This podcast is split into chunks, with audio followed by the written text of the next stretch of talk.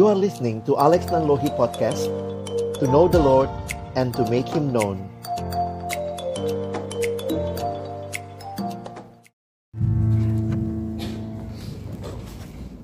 Mari sebelum kita membaca merenungkan firman Tuhan kita berdoa. Bapa di dalam surga kami bersyukur di hari perhentian yang kau berikan kepada kami kami boleh datang memuji, memuliakan namamu dan tiba waktunya bagi kami untuk membuka firmanmu ya Tuhan. Biarlah ketika kami membuka firmanmu, bukalah juga hati kami. Jadikanlah hati kami seperti tanah yang baik. Supaya ketika benih firman Tuhan ditaburkan boleh sungguh-sungguh berakar, bertumbuh, dan juga berbuah nyata di dalam kehidupan kami. Berkati baik hambamu yang akan menguraikan firmanmu, setiap kami yang mendengarkan, Tuhan tolong agar kami semua bukan hanya jadi pendengar firman yang setia, mampukan dengan kuasa dari rohmu yang kudus, kami dimampukan menjadi pelaku-pelaku firman-Mu di dalam kehidupan kami. Bersabdalah ya Tuhan, kami umatmu sedia mendengarnya dalam satu nama yang kudus, nama yang berkuasa, nama Tuhan kami Yesus Kristus. Kami menyerahkan pembacaan dan perenungan firman-Mu. Amin. Pagi ini sama-sama kita akan membaca di dalam kitab Yehezkiel. Yehezkiel pasal yang ke-8. Kita akan membaca ayat yang pertama hingga ayatnya yang ke-18. Seluruh bagian kitab Yehezkiel. Yehezkiel pasal yang ke-8 ayat pertama sampai dengan ayat yang ke-18. Mari kalau sudah menemukan, kita akan baca bergantian. Saya akan baca bagian ayat pertama. Mohon teman-teman sekalian membaca ayat yang kedua, kita bergantian sampai ayat yang ke-18. Berhala kekejian yang ada di dalam bait Allah. Pada tahun ke-6 dalam bulan yang ke-6 pada tanggal 5 bulan itu, waktu aku duduk di rumahku berhadap-hadapan dengan para tua-tua Yehuda, kekuasaan Tuhan Allah meliputi aku di sana.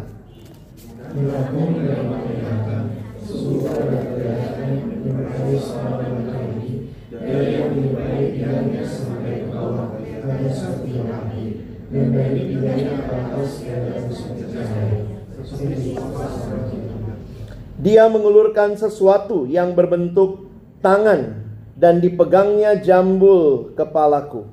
Lalu roh itu mengangkat aku ke antara langit dan bumi dan membawa aku dalam penglihatan-penglihatan ilahi ke Yerusalem dekat pintu gerbang pelataran dalam yang menghadap ke utara di mana terdapat berhala berhala cemburuan yang menimbulkan cemburu itu. Lihat,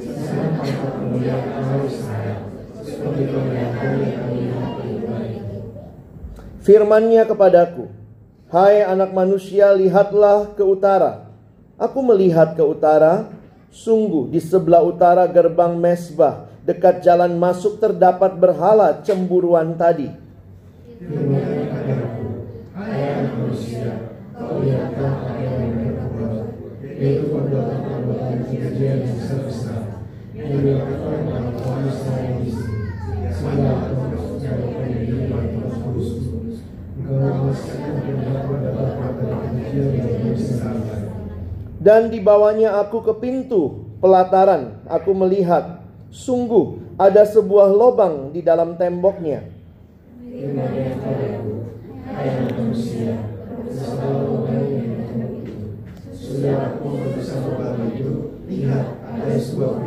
Firmannya kepadaku, masuklah dan lihatlah perbuatan-perbuatan kekejian yang jahat yang mereka lakukan di sini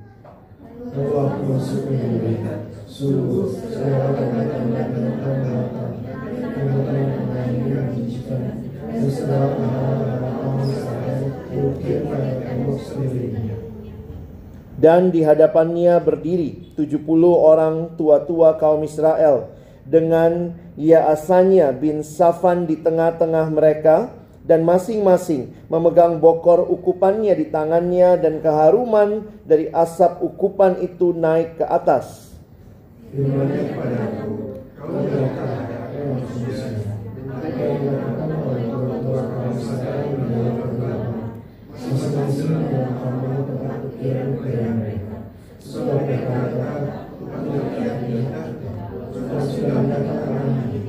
Ditambahkannya lagi, engkau masih akan melihat perbuatan-perbuatan kekejian yang lebih besar lagi yang mereka lakukan.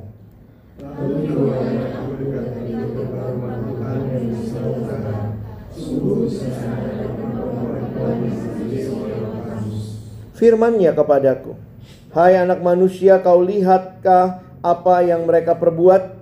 Engkau masih akan melihat perbuatan-perbuatan kekejian yang lebih besar dari lagi daripada ini. Sungguh ketika dalam masuk ke dalam, dia akan mulai dari suci dan bersemangat. Dan kira-kira 25 orang laki-laki. Kamu datang dari Tuhan dan menghadap ke sebelah timur sebagai sujud pada matahari di sebelah timur. Lalu firman-Nya kepadaku, Kau lihatkah itu, hai anak manusia? Perkara kecilkah itu bagi kaum Yehuda untuk melakukan perbuatan-perbuatan kekejian yang mereka lakukan di sini? Bahwa mereka memenuhi tanah ini dengan kekerasan dan dengan itu terus menyakiti hatiku. Sungguh mereka berkelakuan tak senonoh di hadapanku. Oleh karena itu aku akan. Aku tidak akan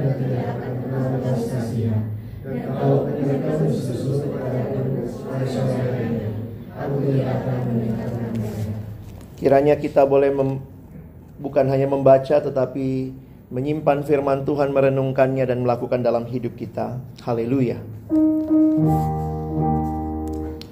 Haleluya. Haleluya. Haleluya.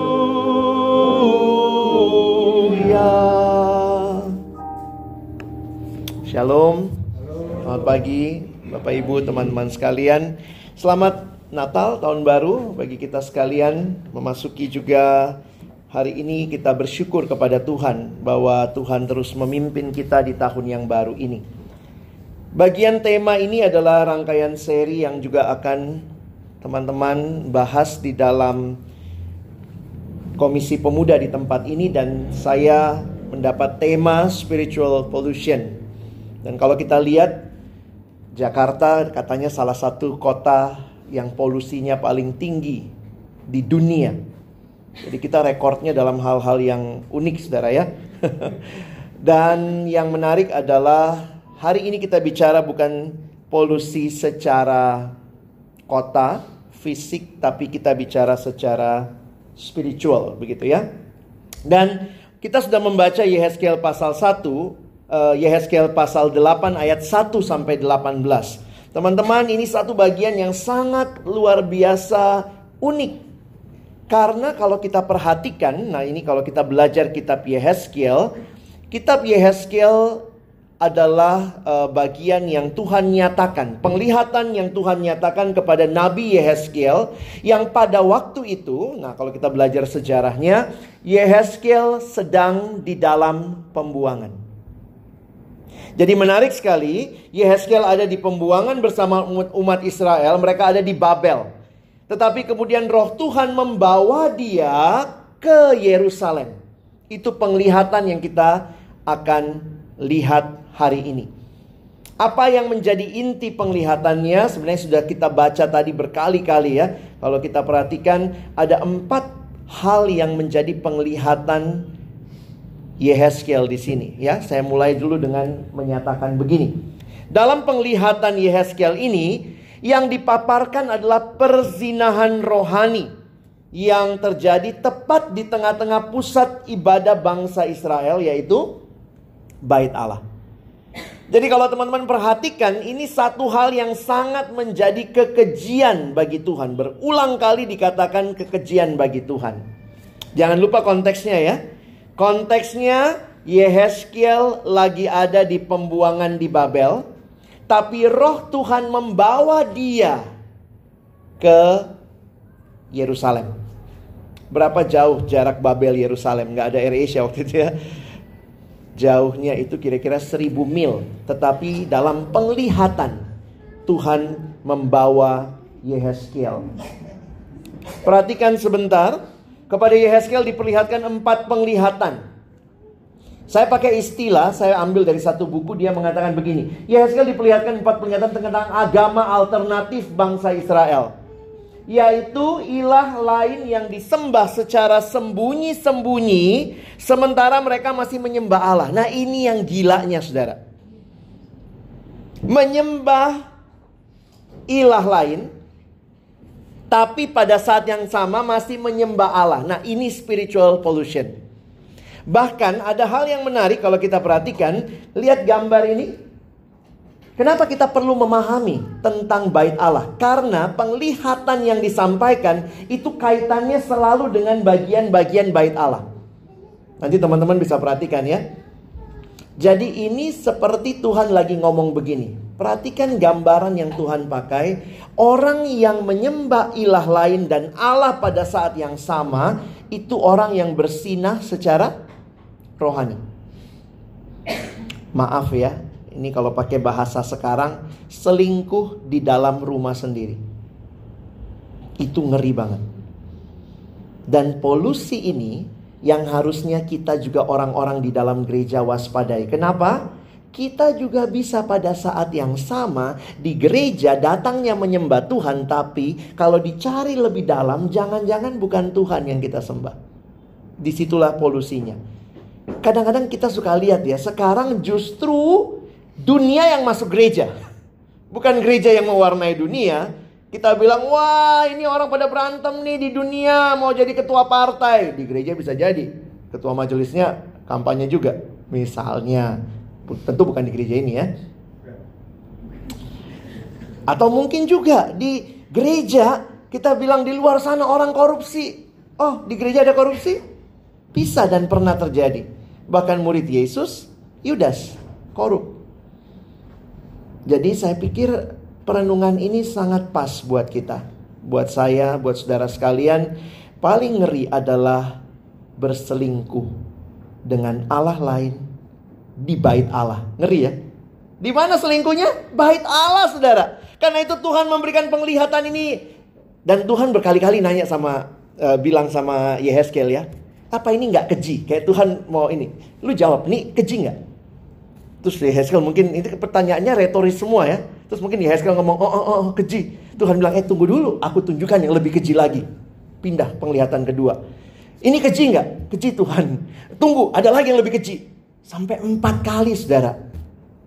Nah kita lihat satu-satu ya. Nanti kalau mau PA lebih dalam. Sebenarnya ini kenapa? Penglihatan pertama daerah sini. Ini masalah utara, timur. Kita mungkin agak bingung itu apa. Tapi nanti kalau saudara tidak ada gambaran ini. Saya pikir nanti lihat lagi ya. Kalau di Google bisa keluar tuh bait Allah.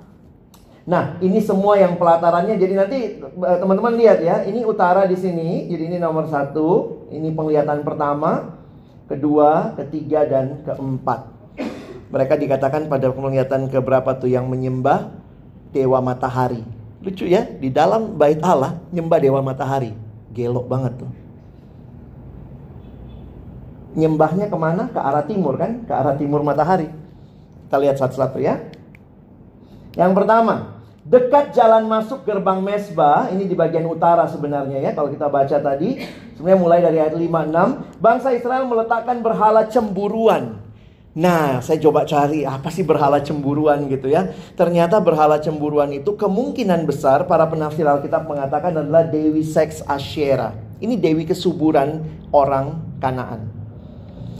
Mungkin kita jadi bertanya gitu, kenapa Israel gitu ya? Saya juga dulu tuh nanya sampai akhirnya saya dengar dosen saya jelaskan. Kenapa Israel yang sudah dibawa keluar Tuhan dari Mesir, waktu sampai di Kanaan, kok nyembah Allah lain? Kira-kira begitu kali ya? Kan harusnya tiap kali kan Tuhan bilang ingat loh, aku yang bawa kamu keluar dari Mesir. Tapi masuk di Kanaan langsung Allah lain yang disembah. Allah lokal. Allahnya Israel sebenarnya Allah yang global. Pada waktu itu Allah tuh lokal-lokal ya di, di di Mesir ya Allahnya Mesir, nanti pindah kanan Allahnya Kanaan. Tapi Tuhan memperkenalkan diri, aku Tuhan semesta alam. Jadi walaupun kamu pindah Israel, Kalau Allah lain itu pindah langsung roaming saudara ya. Itu Allah Israel enggak. Tapi begitu pindah ke Kanaan, kenapa mereka menyembah dewa Kanaan? Yang menarik adalah semua dewa yang disembah, Asyera, Baal, kalau teman-teman pelajari, itu semua dewa-dewi pertanian, kesuburan. Makanya dalam penggalian para arkeolog mereka menemukan begini. Orang Israel hanya kenal Allah pemimpin perang. Kuda dan penunggangnya dia tunggang balikan. Itulah Allah yang mereka kenal membawa mereka keluar dari Mesir. Mereka sangat percaya untuk masalah peperangan siapa Allahnya? Yahweh. Tapi masalah pertanian mesti Allah lokal. Makanya mereka selalu menyembah Asyera, mereka menyembah Baal. Jadi mereka masih gak bisa menangkap bahwa Allah yang namanya Yahweh itu juga ahli pertanian, saudara ya. Ini kadang-kadang kita juga begitu. Tuhan itu berkuasanya di gereja. Kalau di rumah tangga gua bukan, gua Tuhannya. gitu ya. Kayaknya kita merasa bahwa Tuhan tidak sanggup menolong kita. Dan karena itu Israel, bayangkan sinkritismenya luar biasa. Mereka bawa sesembahan itu di mana? Di bait Allah. Nah ini memang juga ada yang bertanya, apakah ini benar-benar terjadi? Atau ini cuma penglihatan? Nah teman-teman bisa setuju bisa tidak, tapi paling tidak. Kalaupun tidak ada sesembahan itu dalam bentuk fisik, patung Dewi Asyera, tapi yang paling ngeri ada di dalam hati. Banyak orang yang ke gereja, tapi dalam hatinya bukan Tuhan, tapi uang, bukan Tuhan tapi sesembahan yang lain. Mungkin kalau Tuhan di gereja hari Minggu, tapi kalau hari lain pakai jimat, pakai dukun. Sehingga mungkin kita tidak bawa jimatnya ke gereja. Karena kayaknya ciong jimatnya sama Tuhan ya. Kalau bawa hari Minggu nggak bisa, nggak boleh bareng tuh. Lucu juga ya, beberapa orang pakai jimat nggak boleh mandi, nggak boleh cuci baju, gitu-gitu. Saya pikir ngeri ya. Tapi ini masalah apa? The most important thing ini masalah hati. Jadi apakah betul atau ini cuma penglihatan? Bayangkan penglihatannya di bait Allah ada cemburuan. Yaitu patung Dewi Asyera di situ. Kedua, nah nanti lihat lagi ya. Di pintu pelataran ada sebuah lubang di dalam temboknya. Yang kedua ini pintu pelatarannya ya. Ada 70 tua-tua Israel secara sembunyi-sembunyi menyembah gambar-gambar berhala yang menjijikan yang terukir pada tembok. Sekali lagi, is it real atau tidak? Tapi gambaran sesembahan itu adalah hewan-hewan, binatang-binatang yang disembah oleh bangsa-bangsa Kanaan. Di mana? Di bait Allah, di pintu pelataran. Ketiga, di dekat pintu gerbang rumah Tuhan sebelah utara. dekat pintu gerbang rumah Tuhan sebelah utara ini yang ketiga nih. Ini utara di sini ya, uh, north ya. Para perempuan terlibat dalam penyembahan berhala bahkan mereka sampai menangisi Tamus. Siapa Tamus? Itu adalah dewa kesuburan Babel yang dilambangkan dengan taman dan cinta romantis. Nanti bisa digali lagi soal Tamus ini. Jadi waktu saya pelajari, perhatikan ngeri banget. Di mana itu? Ini deket pintu gerbang rumah Tuhan sebelah utara. Dan yang lebih ngeri lagi, yang keempat, Pelataran dalam rumah Tuhan dekat jalan masuk ke bait Tuhan. Nah ini muncul pertanyaan. Pelataran rumah Tuhan masuk ke dalam bait Tuhan di antara bait suci dan mesbah. Para penafsir mena menafsirkan, ingat pada waktu itu tidak semua orang accessible masuk paling dalam. Berarti ini siapa? Dosanya siapa? Imam. Imam menyembah matahari dengan membelakangi Allah. Jadi ini seluruh umat tua-tua, tua-tua itu mewakili para pemuka, imam mewakili kaum agamawi, perempuan-perempuan ingat ada pelataran wanita cuma boleh sampai di situ. Ini kalau kita pelajari seluk-beluk rumah Tuhan ya. Makanya kalau Tuhan tuh ngajarnya sangat ini ya, imajinatif. Itu salah satu yang paling muncul itu di dalam kitab kitab Yehezkiel dan Yeremia. Jadi kalau sekarang pembicara pakai PowerPoint karena Tuhan juga gambarannya luar biasa gitu ya. kalau kita bikin bait Allah kalau cuma khotbah bait Allah, orang mikir, "Hah, bait Allah kayak rumah gua kali ya." Di pintu bagian mana, pintu bagian mana gitu ya. Saya kalau jelasin begini ke siswa ya mau nggak mau pakai gambar karena Tuhan tuh imajinatif sekali gitu ya. Para imam menyembah matahari. Jadi ingat ada pelataran wanita cuma boleh sampai situ. Ada lagi yang masuk tua-tua ada di sana, itu berarti laki-laki ini imam begitu ya. Imam di dalam bait Allah menyembah matahari. Apa sih kesimpulan kita? Sederhananya begini ya. Apa yang mereka lakukan ini bukanlah perkara kecil di hadapan Allah. Jangan pikir ini biasa gitu ya. Jadi sebenarnya spiritual pollution itu bahaya saudara. Jangan pikir ini biasa aja ya, nggak apa-apalah. Hari Minggu ke Tuhan, hari lain ke dukun gitu ya. Kenapa? Kita kan orangnya ini ya, pertimbangan ekonomis juga. Mana yang berguna? Jadi sebenarnya kita nggak bertuhan, tapi kita menggunakan Tuhan.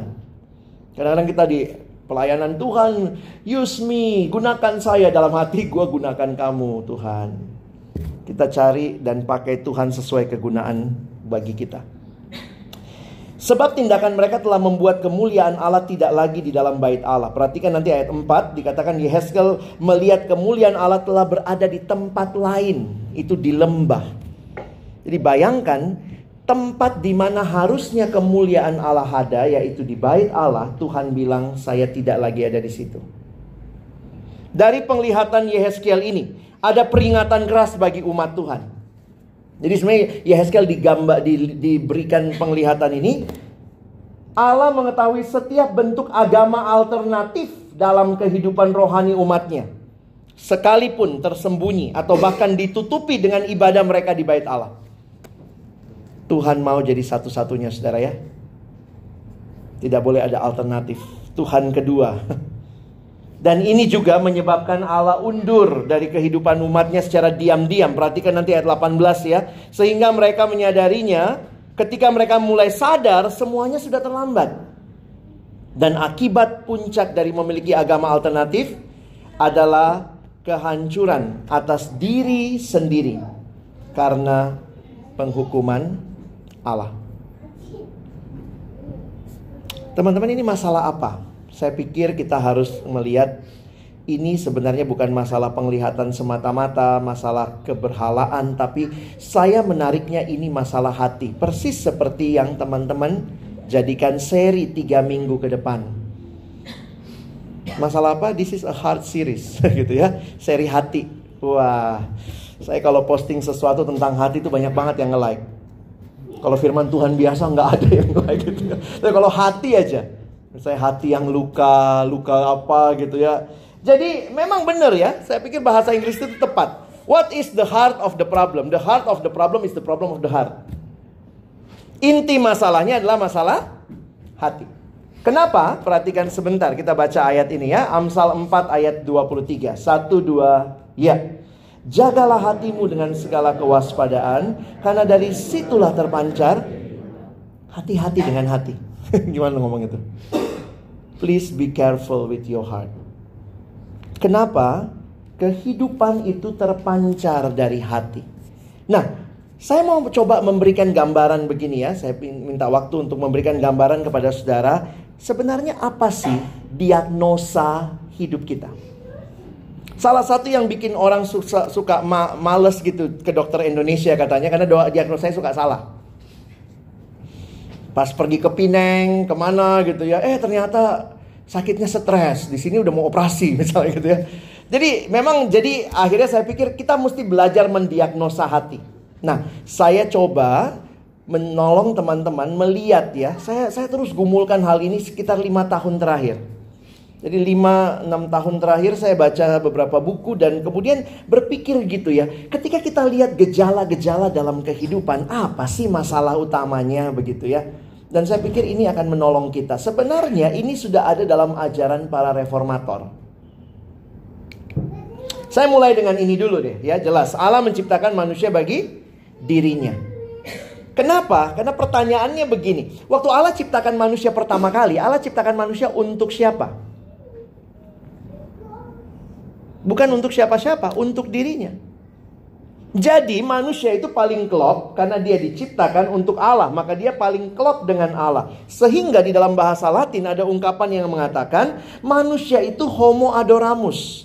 Kita adalah makhluk yang pasti menyembah. Manusia adalah makhluk yang menyembah. Homo adoramus. To worship is human. Karena ini implikasi dari kita diciptakan untuk Tuhan.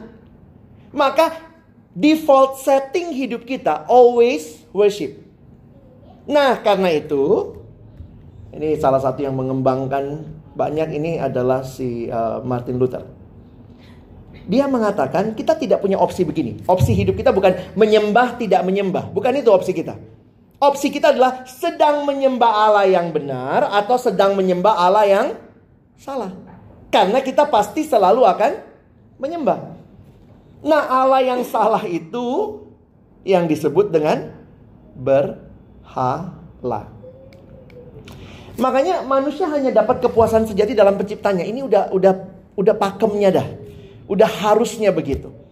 Nah perhatikan di dalam uh, satu bagian doa dari Santo Agustinus kalau orang Katolik sangat kenal ini ya. Ini kalimatnya menarik sebenarnya. Saya ambil dari situ juga ya. Tuhan engkau menanamkan dalam hati kami kesenangan untuk memujimu. Engkau menciptakan kami bagimu dan hati kami gelisah sebelum beristirahat padamu. Dalam bahasa Inggris ada permainan kata ya. And our soul are restless until they find rest in you.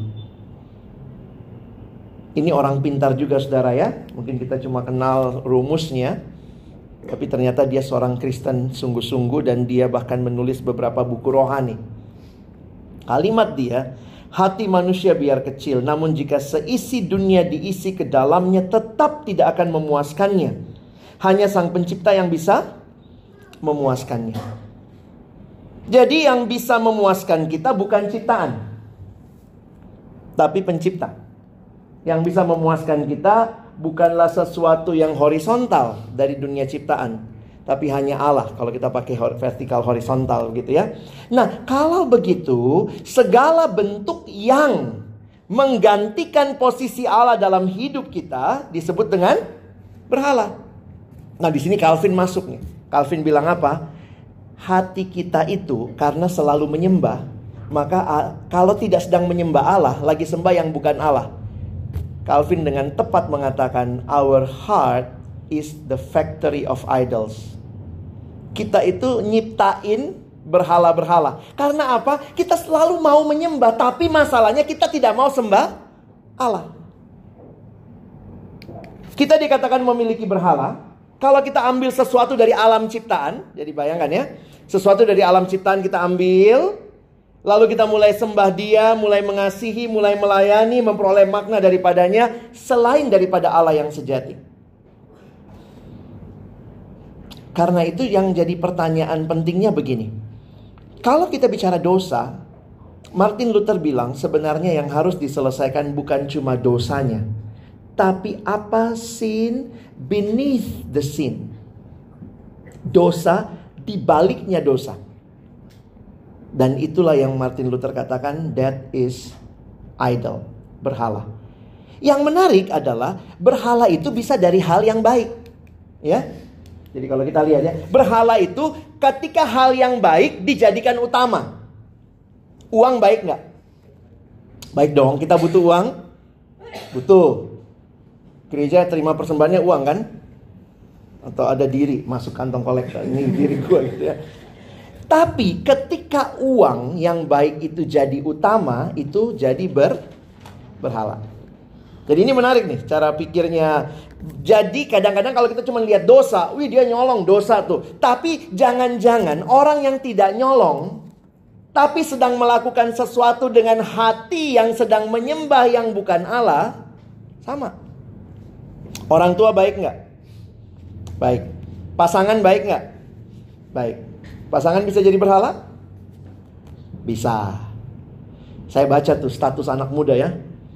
Pacar yang baik titik dua. Melakukan semua perintahnya, menjauhi semua larangannya. Itu pacar apa Tuhan?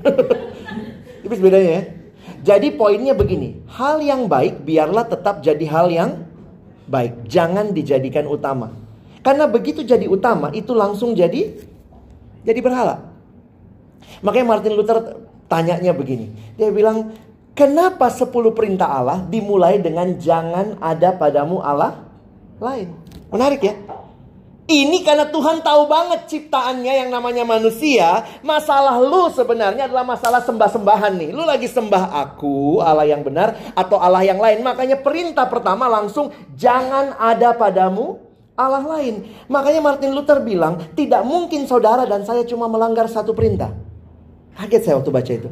Nggak mungkin kita cuma melanggar satu perintah. Pasti kita melanggar minimal dua. Kalau kita mencuri, sebenarnya yang kita langgar perintah mencuri dan perintah pertama. Karena siapa yang jadi Allahnya? Uang, harta. Saudara melanggar, oh dia dia melanggar dosa nomor ini no, bersinah. Bukan cuma satu. Dia pasti juga melanggar ada Allah lain. Siapa Allahnya? Seks. Jadi kalimatnya begini. Martin Luther berargumen, kita tidak pernah melanggar perintah-perintah yang lain tanpa melanggar yang pertama. Jadi akhirnya bagi saya jelas sekali Tuhan tahu jangan ada pada kita. Dan Tuhan juga tahu sekali ya bahwa penyembahan berhala ini ada di mana-mana. Kenapa? Karena kita memang lebih suka berkat Tuhan ketimbang Tuhannya. We worship the gifts but abandon the giver. Itu yang terjadi. Dan yang ngerinya, berhala ini menguasai hati kita. Nah ini saya bawakan ini biasanya di kuliah ya, di kuliah teologi. Jadi sedikit uh, pahami saya pelan-pelan begitu ya. Tapi poin saya adalah yang pertama, waktu saya gumulkan 4 5 eh, tahun terakhir ini, masalah manusia, perjanjian lama bicara masalah sedang menyembah yang bukan Allah. Itu masalah manusia. Perjanjian baru Tuhan Yesus pendekatannya agak beda. Makanya ada satu buku belakangan yang menggabungkan bagi saya itu kayak satu jawaban gitu ya. Saya dapat buku itu 2-3 tahun lalu. Dia mengatakan Tuhan Yesus perintahnya agak lain. Lainnya tapi sama intinya. Kasihilah Tuhan Allahmu dengan segenap hatimu. Dan Yesus bilang begini, kalau seorang mengikut aku dan dia tidak mengasihi bapaknya, ibunya, uh, istrinya lebih daripada aku, dia tidak dia harus mengasihi Yesus lebih dari yang lain. Jadi kalau perjanjian lama bicara worship, perjanjian baru bicara cinta. Yesus lagi bilang, masalahmu adalah you put your love on wrong things. Jadi coba teman-teman lihat kesimpulannya ya. PL bilang you are what you worship.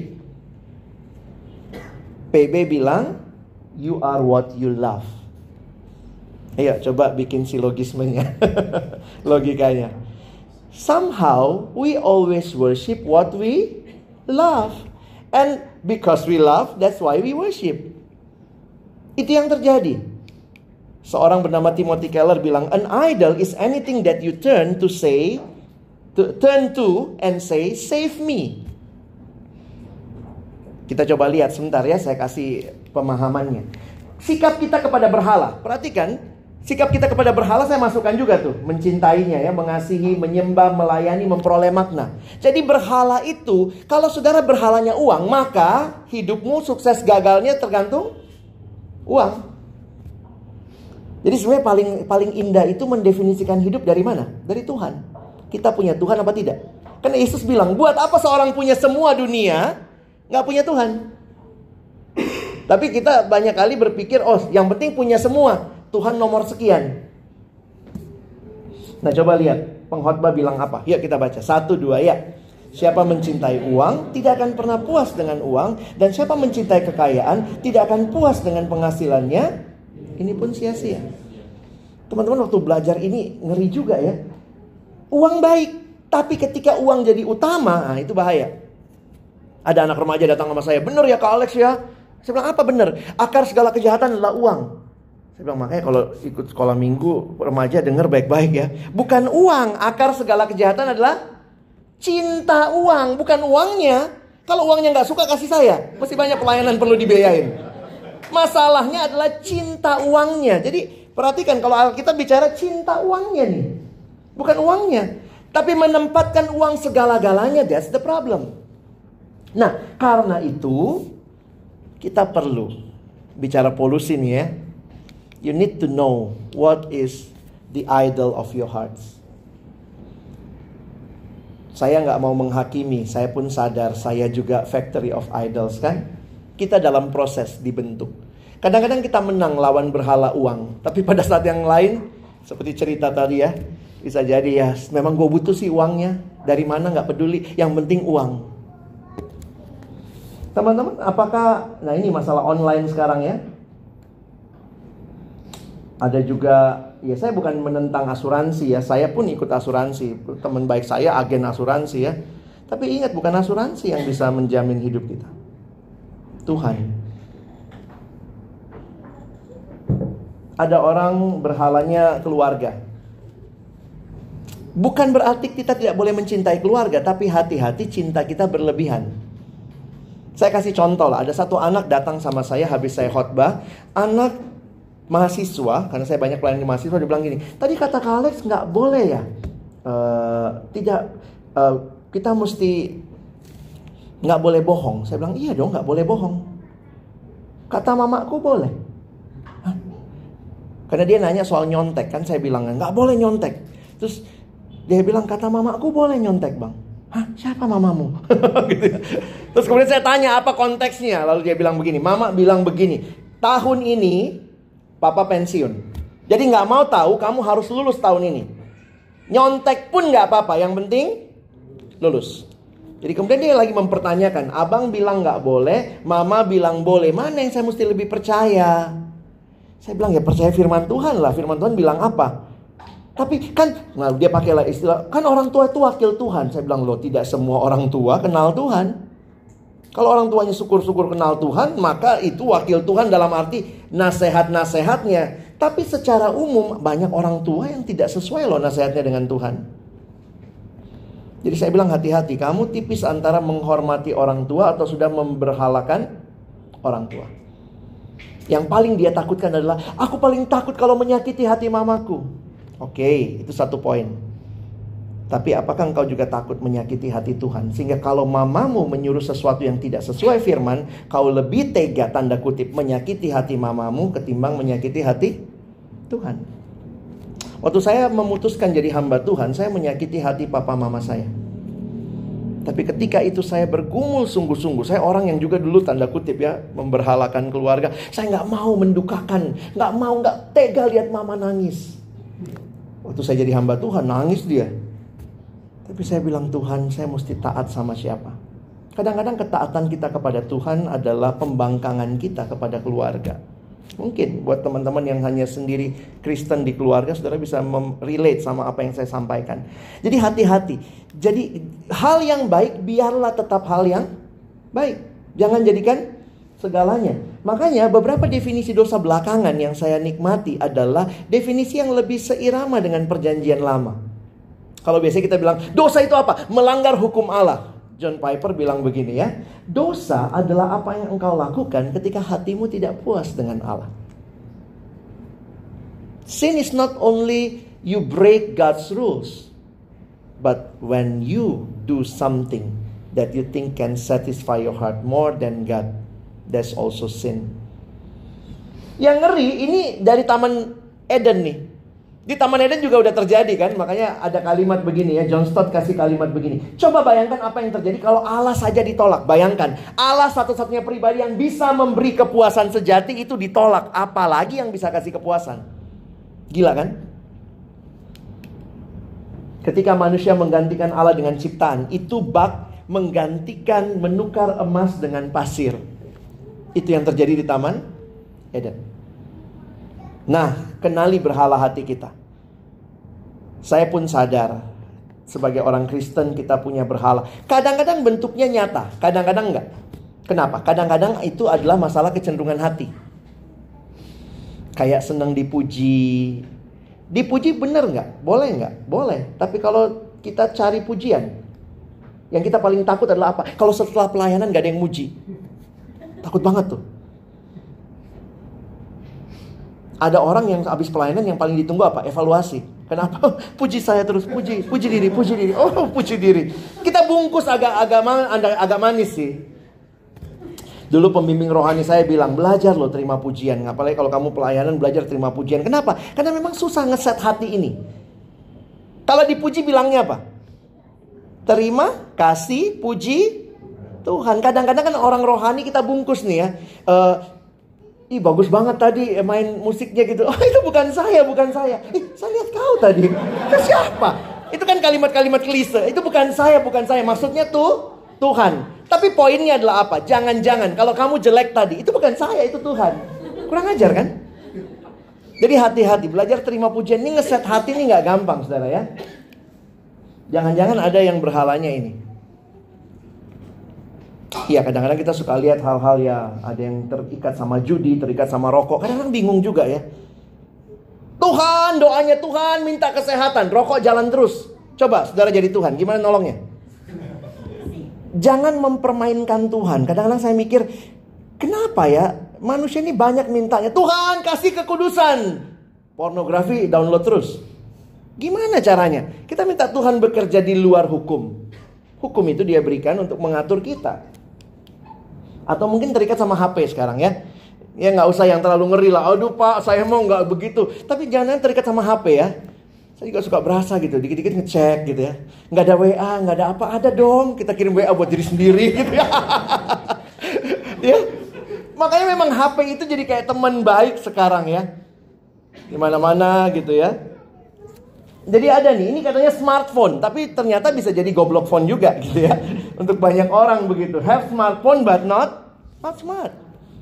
Anak remaja dari survei dikatakan dari survei anak remaja jatuh dalam pornografi sekitar 80% di HP yang dibelikan orang tuanya. Di smartphone itu. Udah jarang ya anak sekarang nonton atau lihat porno di laptop gitu-gitu ya. Kegedean laptop, susah disembunyiin kalau papanya masuk tapi di HP. Katanya smart. Atau ada yang ketagihan belanja. Salah nggak sih belanja? Enggak, tapi kalau tiap hari belanja. Nggak butuh pun dibeli. Lalu alasan belinya apa? Lucu. Aduh, nggak masuk akal itu. Cewek-cewek suka gitu ya, lucu, lucu. Terus habis beli, habis beli ketawa. gitu ya. Jadi memang paling sulit nih generasi membedakan mana keinginan, mana kebutuhan. Kenapa? Karena kita dibelenggu oleh kayaknya ke mall nggak bawa apa-apa, nggak bawa belanjaan, rasanya kurang ke mall gitu kali ya. Hati-hati lah. Ada yang bilang saya jarang ke mall pak. Iya sih, tapi HP lu ada semua tuh. nah ini kecanduan-kecanduan sekarang ya, drakor, ya. Opa, oma. I'm so tired but can't stop watching. Tidak salah nonton drama Korea, tapi kalau sudah kecanduan, sudah memperoleh makna hidup dari situ. Gimana tuh memperoleh makna hidup? Lu udah nonton ini belum? Ih, gue belum. Eh, gue udah dong. Uh, kayaknya naik kita harga dirinya. Makna hidup diperoleh dari sudah lewatin drama ini. Udah nonton Black belum? Udah nonton ini belum gitu ya? Saya nggak tahu sih istri saya yang doyan. Saya nggak tahu juga ini siapa. saya cuma koleksi aja gambarnya gitu ya. Anak remaja sekarang juga akhirnya misalnya ini ya game online. Mungkin bukan cuma remaja, banyak juga yang udah kerja kecanduan sama game online. Terus yang tadi dikatakannya masalah pornografi, bahkan hal-hal yang mengikat saat ini sudah jadi umum LGBT. Generasi ini bilang apa? Follow your heart. Alkitab bilang apa? Hati itu licik. No, never follow your heart. Follow God's word. Kan firmanmu pelita. Nggak dibilang hatimu pelita bagi kakimu. Makanya saya waktu saya posting itu ya, jangan ikuti hati. Saya tulisnya gitu, benar mau ikutin hati.